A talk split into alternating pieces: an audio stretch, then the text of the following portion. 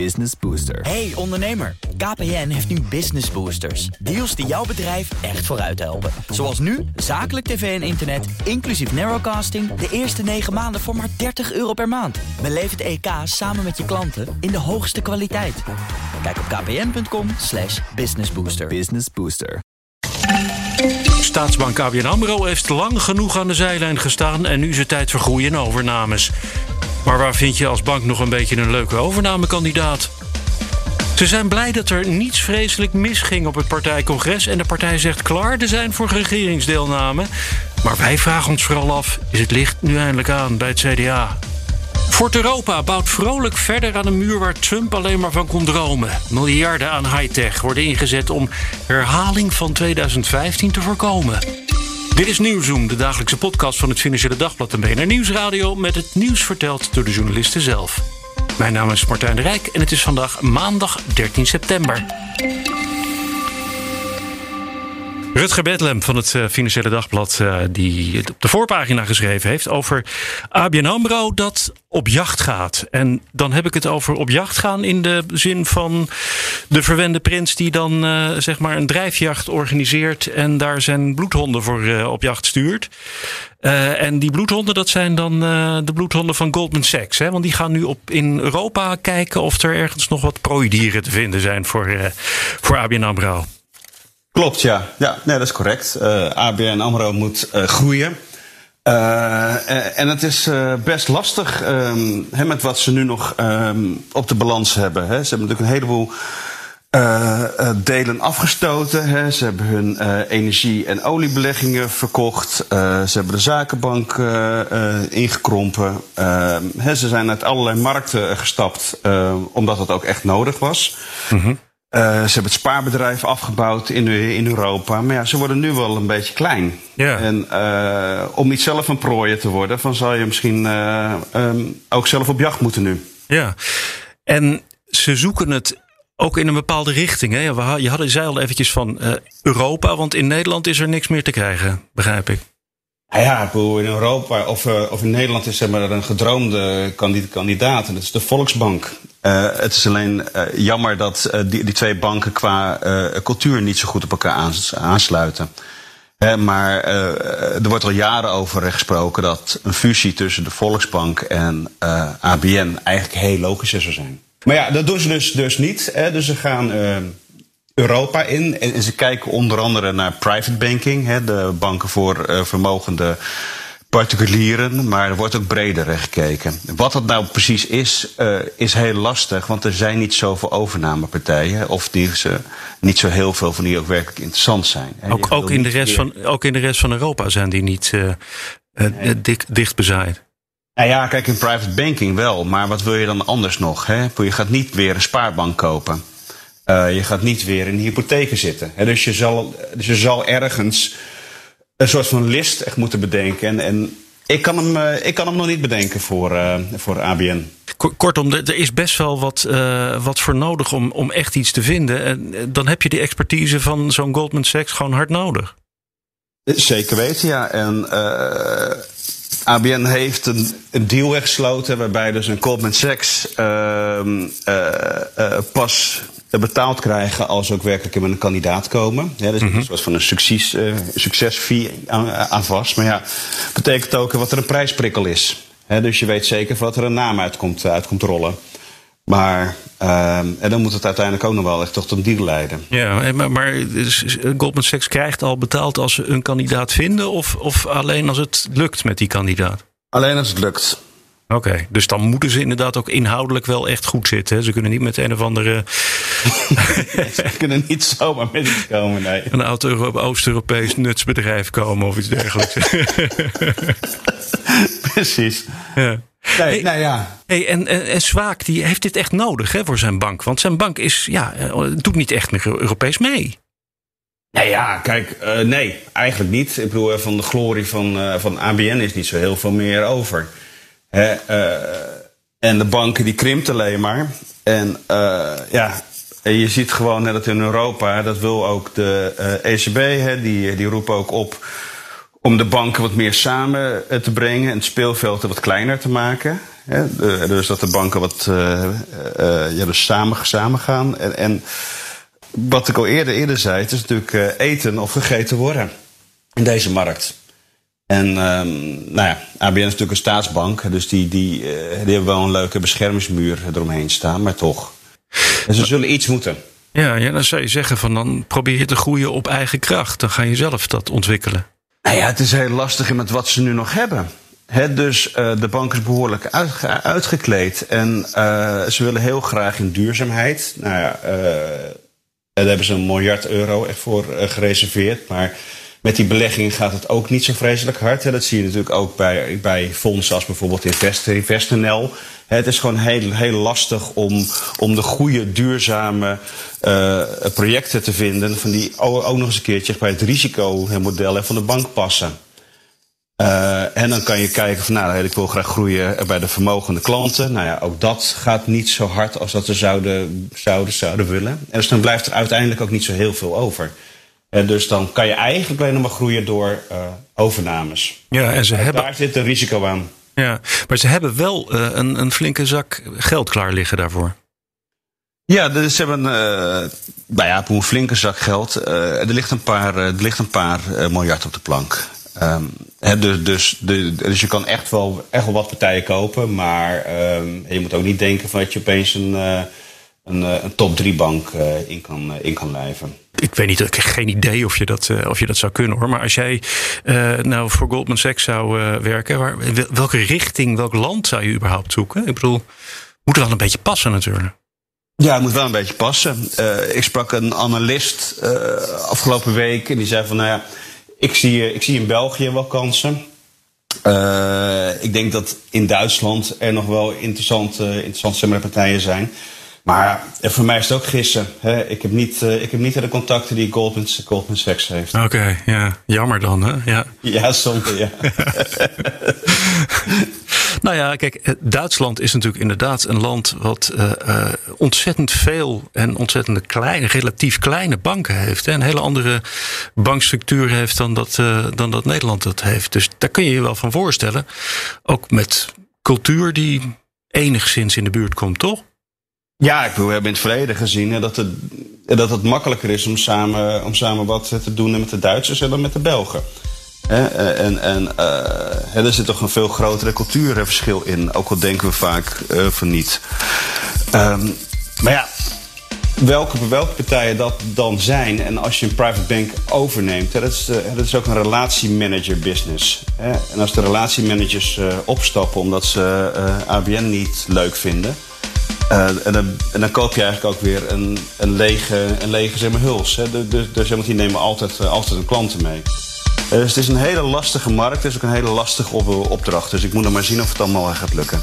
Nou, je houdt het in ieder geval in de gaten of het allemaal gaat lukken. Rutger Bedlem van het Financiële Dagblad. Dankjewel. Alsjeblieft. We pakken nog eventjes de post erbij. Niels Hezen, jarenlang trouw luisteraar van BNR, vond het item over 9-11 vorige week donderdag erg bijzonder. En ook hij zelf heeft een bijzonder verhaal. Hij werd 16 op 9-11 2001. En hij heeft sindsdien altijd geweigerd om zijn verjaardag nog te vieren. Hij schrijft erover alsof hij er zelf eigenlijk ook wel een beetje verbaasd over is. En eerlijk gezegd, ik ben dat eigenlijk ook wel. Ik vind het wel bijzonder. Erwin dan, die heeft het item over coronacentra gehoord... die steeds vaker op SOA-tests willen overschakelen. Erwin raadt mensen aan om toch maar gewoon naar de GGD te gaan. Daar kunnen ze alle SOA's testen en geven ze meteen advies en medicatie... en het is gewoon anoniem. En by the way, op 9-11 lag Erwin op de bank te herstellen van een blinde darmoperatie. Wil je reageren op wat dan ook in deze uitzending? Doe het dan door te mailen naar nieuwzoom.bnr.nl of nieuwzoom.fd.nl. Ik ben er. Je bent er. Oké. Ja. En het licht staat aan daar. Het licht is aan hier, ja. En ik heb ook stopcontacten. Oh ja, want dat was het andere ding, hè? Wat uh, ontbrak daar uh, in de Brabanthallen. Ja, in eerste instantie uh, de zaterdag bij het partijcongres van het CDA. In de, in de kwamen we aan als schrijvende pers. En er was een hoekje voor ons in de zaal in het pikken donker gereserveerd, zonder stopcontacten.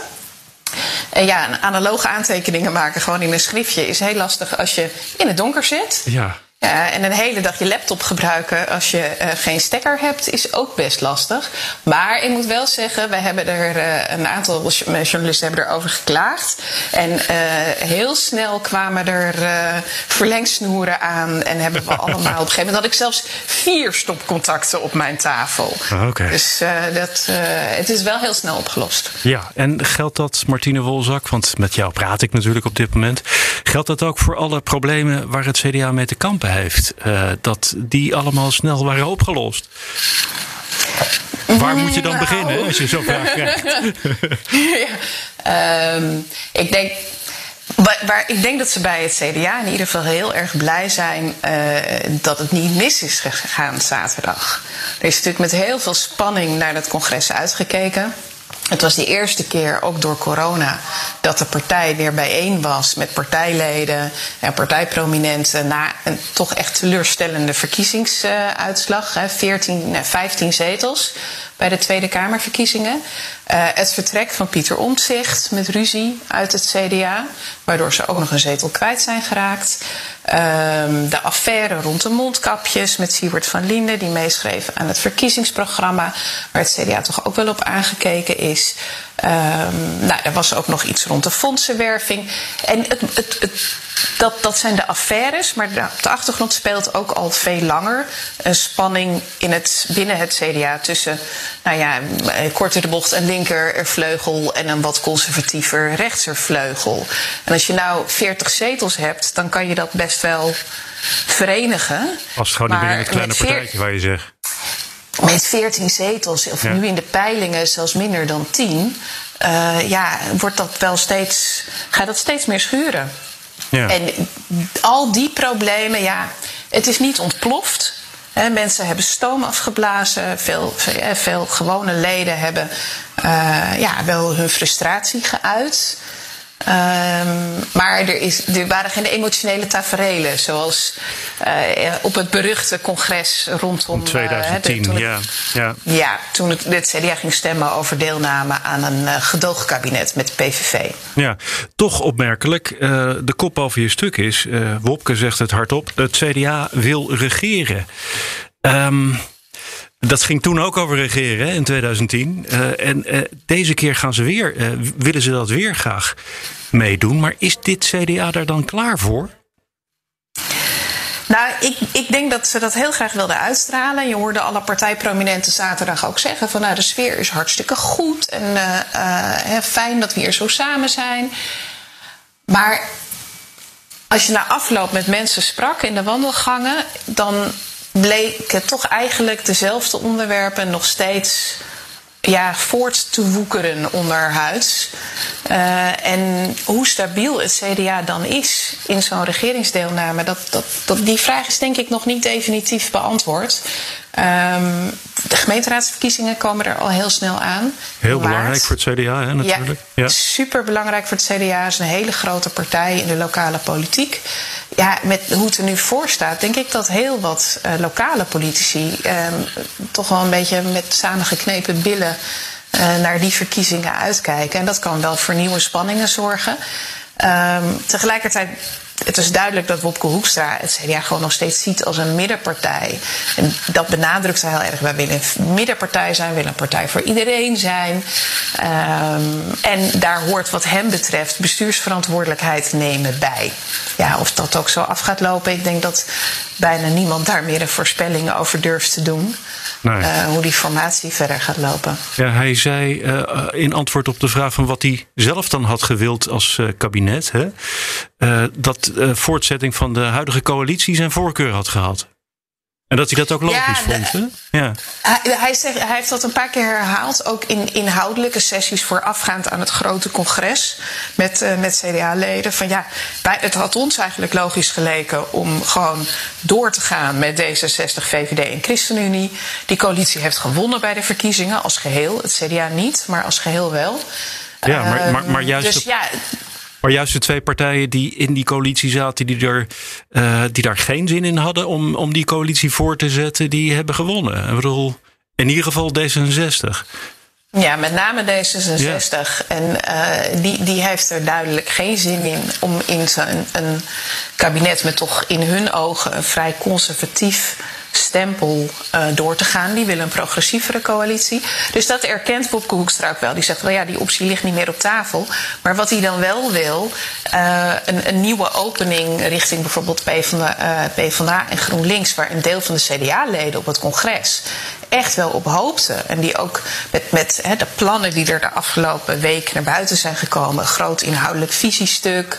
Uh, een verhaal over stikstof en over klimaat. Je van ja, maar dat, dat zijn plannen die wij uitstekend samen met de PvdA en GroenLinks kunnen doen. En waarom hij dat niet wil, dat, nou, daar heeft hij op het congres niets over gezegd.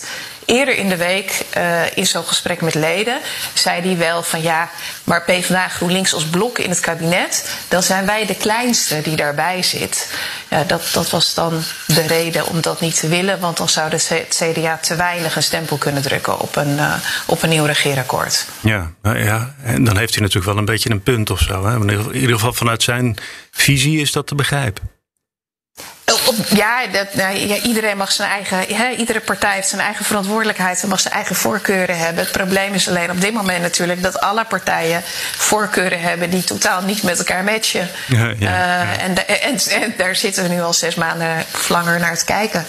In de afwachting van dat er nou een keer een doorbraak komt. Ja, misschien komende week. Maar vooralsnog is de agenda van de informateur uh, Johan Remkes nog leeg. Voor zover wij weten. Ja.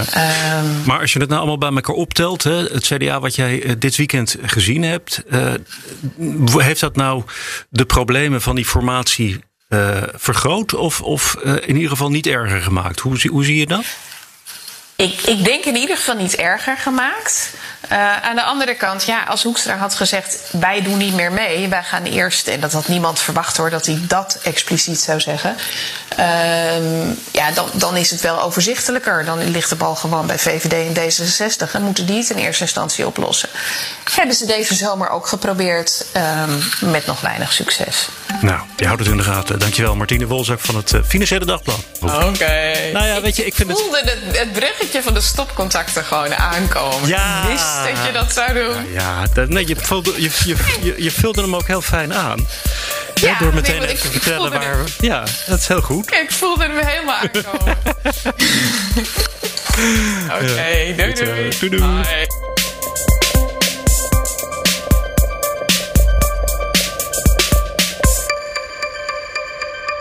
Laten we maar eens eventjes een, een wandelingetje gaan maken rond uh, dat uh, Fort Europa. En uh, laten we dan bij de Noordoostpoort beginnen. Ja. Want daar staat het, het, het nieuwste stukje muur, hè, geloof ik. Ja, nee, klopt. Het is, uh, het is zo dat uh, sinds uh, Lukashenko, de, de dictator van Wit-Rusland, probeert om de EU onder druk te zetten door allerlei migranten, zelfs op te halen in Irak en dan door zijn bossen richting Polen of Litouwen te laten lopen. Dat daar inderdaad nu ook plotseling allemaal ideeën en plannen zijn voor. En er wordt in, in feite ook al gebouwd aan allerlei hekken. Ja, uh, Litouwen, dat weten we al natuurlijk. En overigens, de kenner van onze podcast, die heeft Han-Dirk Hekking natuurlijk al lang herkend, FD-collega. Um, in Litouwen zijn ze al aan het bouwen. Daar, daar staat al een hek. Ook Polen is, is druk bezig. Hè? Want ja, die hebben natuurlijk ook diezelfde grens. Nee, klopt. En Letland overigens ook. Hè. Uh, dat zijn vaak oh ja, nu ja. op dit moment nog ad hoc uh, barrières. Maar inderdaad, uh, ja, ze zijn redelijk geschrokken in Polen. Doordat er plotseling veel meer mensen gewoon zich over die grenzen maar, ja, weten te bewegen. En dan kijk ik eventjes naar dat handige kaartje. Wat jullie ook bij het. Nee, jullie. Jij hè, natuurlijk. Nou, dus de, inderdaad, de infographics maken hoort er ook bij. Ja, oh ja, oké. Okay, ja. Ja, daar zit nog een klein stukje zo rond, uh, als je naar het kaartje van Europa kijkt, rond Oekraïne, waar eigenlijk niet hek gepland is of staat. Uh, want voor de rest staat het, staat het zo'n beetje dicht. Ja, nee, klopt. Kijk, het gaat er eigenlijk om gewoon van er zijn een aantal landen die gewoon redelijk, ook omdat ze samenwerken met de EU, redelijk scherp gewoon die migratiestromen en vluchtelingenstromen gewoon managen. En maar in het geval van Wit-Rusland is het gewoon zo van dat de, ja, Lukashenko daar gewoon besloten heeft om, om eigenlijk die, die migranten en die vluchtelingen eigenlijk als een soort drukmiddel op de EU te gebruiken. Ja, niet bepaald mee te werken, zeg maar. Nee, ja. precies. En dat heeft allemaal te maken met de sancties die de EU richting hem heeft getroffen. Het is eigenlijk ontzettend gehaaid hè, wat uh, Lukashenko doet. Hij legt de vinger precies op uh, dat gevoelige plekje bij Europa. Ja, hij heeft heel goed begrepen dat dit een open zenuw is sinds 2015. Toen er een miljoen mensen uit met name Syrië richting de EU trokken. Um, en je ziet dat de EU daar heeft, heeft daar wel op gereageerd. Hè. Die heeft afspraken gemaakt met Turkije, maar ook met een aantal andere landen. Om bijvoorbeeld mensen die geen recht op bescherming hebben, zoals dat heet, om die dan ook gewoon terug te nemen. In het geval van Turkije kun je zeggen dat de Turken zich redelijk aan de afspraken hebben gehouden die we hebben gesloten. We hebben hen -hmm. geld gegeven en in ruil daarvoor. Uh, houden zij vluchtelingen tegen? Houden ja. vluchtelingen tegen en het geld gebruiken ze dan voor de opvang van, van Syriërs met name. Uh, er zijn ook soort ad hoc afspraken gemaakt met, met de krijgsheren Libië. Uh, de EU die, die ondersteunt eigenlijk ook de Libische kustwacht. Hè. Dat is in feite ook. Uh, ik zou je allerlei dingen over kunnen zeggen. Want je kunt ook zeggen, ja, er zijn milities die, die kustwacht zijn. Ja, zijn geen aardige lui op zich. Nee, nee, nee precies. En de, de humanitaire situatie van mensen die, die vluchteling zijn in Libië is ook echt rampzalig. Um, dus je kunt ook zeggen, ja, moet je echt zaken doen met eigenlijk gewetenloze zeg maar, mensen, smokkelaars, zou je ook kunnen zeggen. Maar goed, dat heeft ook, die migratiestroom daar is ook redelijk uh, teruggelopen. Ja, en dan heb je vervolgens natuurlijk gewoon nog, uh, nog ad hoc afspraken met landen als Tunesië enzovoort. die ook worden geacht om hun grenzen te bewaken. Die proberen ook te steunen. om te voorkomen dat er allerlei mensen inderdaad massaal gewoon in, in boot stappen richting Italië. Kortom, dat, dat, dat Fort Europa dat heeft een diplomatieke tak. Ja. In de vorm van al die uh, nou ja, overeenkomsten die zijn gesloten. Ja. Uh, maar het heeft ook steeds meer echt een fysieke tak. Hè? Ik bedoel, uh, we hadden het al over de hekken. Ja. Maar die hekken, dat, die, nou ja, behalve dat, al dat er verschrikkelijk veel geld in gaat, hoeveel is dat nog alweer? Ja, de, kijk, er is voor, voor een nieuwe begroting is iets van 30 miljard beschikbaar. Hè? 30 miljard. Of ja. ja, ik zeg het eigenlijk verkeerd. Denk ik rond het, zeg maar met een paar miljard op af naar boven. Het is 26 miljard geloof ik. Of zo. Nou ja, dat vind ik ook genoeg hoor. Ja, ja. precies. Uh, dat is eigenlijk zeg maar, voor het grote kopje um, migratie en, en veiligheid. Mm -hmm. um, ja, tegelijkertijd was er bijvoorbeeld in de vorige begroting uh, was er gewoon 3 miljard beschikbaar voor allerlei ja, versterking van de grens en, en zeg maar douane. Uh, beleid. En dat is allemaal gestoken inderdaad in bijvoorbeeld uh, high-tech uh, zeg maar, grensbewaking. Ook dat grenzen wachten, bijvoorbeeld in Bulgarije, ook in andere landen, mm -hmm. Kroatië. Dat die gewoon zeg maar konden aankloppen als er geld nodig was, bijvoorbeeld voor nieuwe auto's. Uh, Kroatië heeft drones aangeschaft. Uh, de Bulgaren hebben heel veel Ja, auto's het- aangeschaft. Het was een, kwestie van wachten ja, dat de drones langs kwamen vliegen. Ja, nee, klopt. Dat kon je ja. uitrekenen. Ja, het is ook zelfs zo dat Frontex, het Europese grensbewakingsagentschap, heeft ook gewoon een deal gesloten met Airbus en twee Israëlische bedrijven. Om bijvoorbeeld ook gewoon drone-diensten eigenlijk in feite rond Malta, Italië en Griekenland te doen. Dus eigenlijk een soort permanente patrouille gewoon uit te voeren en te kijken wat er gebeurt, zeg maar, Mhm. aan die grens, zeg maar, eigenlijk- en de maritieme grens dan met name. Dus wat Ja. gebeurt in die zee? Zijn er mensen inderdaad onderweg, uh, zeg maar, richting, richting Europa? Dus je ziet dat dat eigenlijk steeds meer een soort, ja, het is geen wapenwetloop, maar het is wel een soort wedloop om gewoon beter in kaart te brengen van wat er allemaal richting de grenzen van Europa Onderweg is, ja. onderweg is. En uh, ja, daar is ook gewoon geld eh, beschikbaar voor Europees geld. En dat geld is eigenlijk in de nieuwe begroting veel meer dan in de vorige begroting. Ja, en wat dan opvalt is, uh, nou je noemde de drones al eventjes, uh, maar ik kwam ook artificial intelligence of in ieder geval big data en zo tegen. Het, het, het, het wordt ook steeds meer high-tech, hè? Ja, precies. Ze proberen natuurlijk gewoon uh, op basis gewoon van, van uh, ja, slimme sensoren, uh, slimme camera's, nachtkij nachtkijkers enzovoort. Die koppelen ze aan een systeem. Op die manier proberen ze gewoon in, in kaart te krijgen van wat nu eigenlijk, hoe mensensmokkelaars bijvoorbeeld werken. Hoe ze bijvoorbeeld groepen mensen verzamelen aan de grens.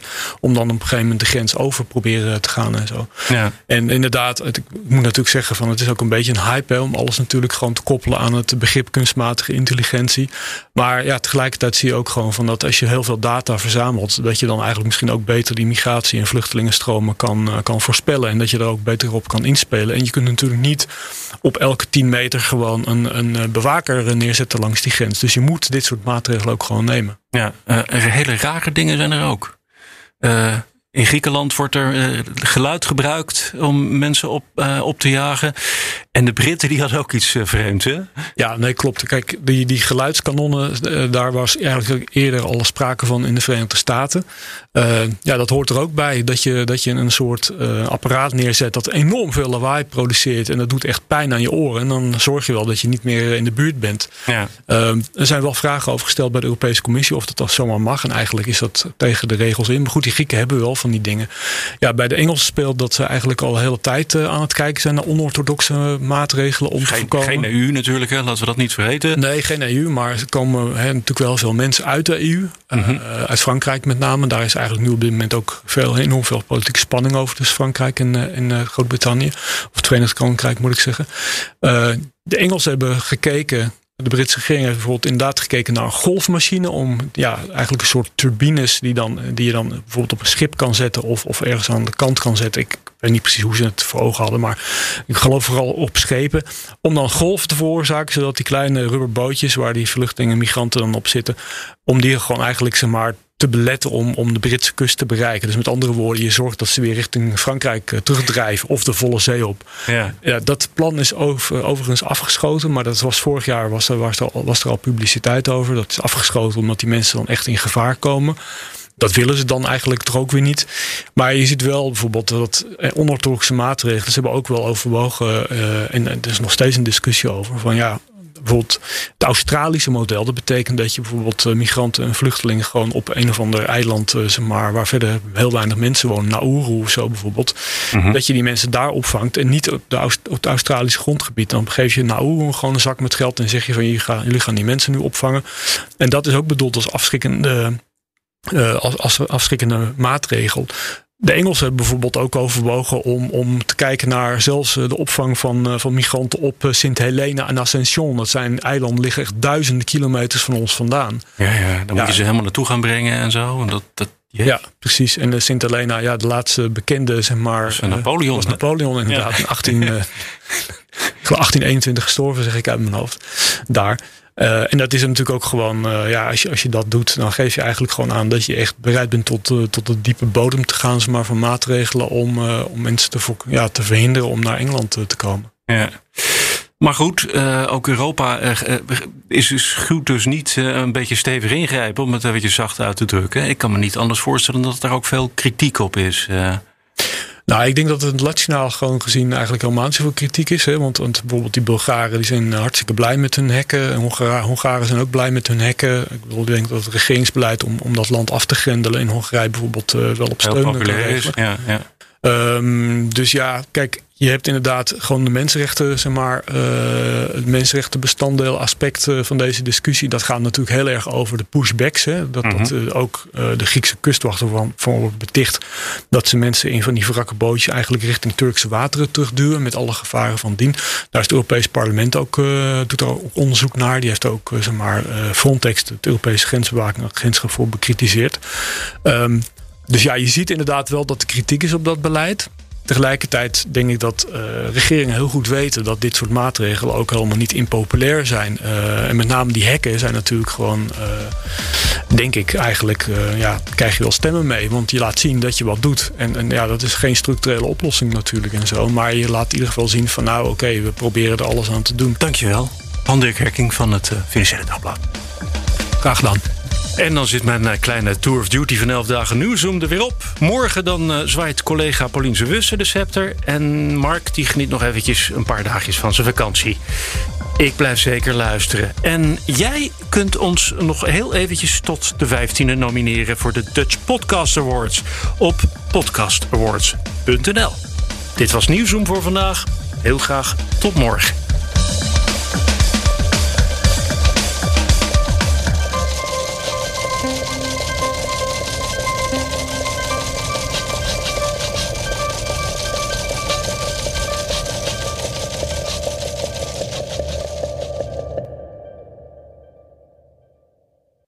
Business Booster. Hey ondernemer, KPN heeft nu Business Boosters. Deals die jouw bedrijf echt vooruit helpen. Zoals nu, zakelijk tv en internet, inclusief narrowcasting... de eerste 9 maanden voor maar 30 euro per maand. Beleef het EK samen met je klanten in de hoogste kwaliteit.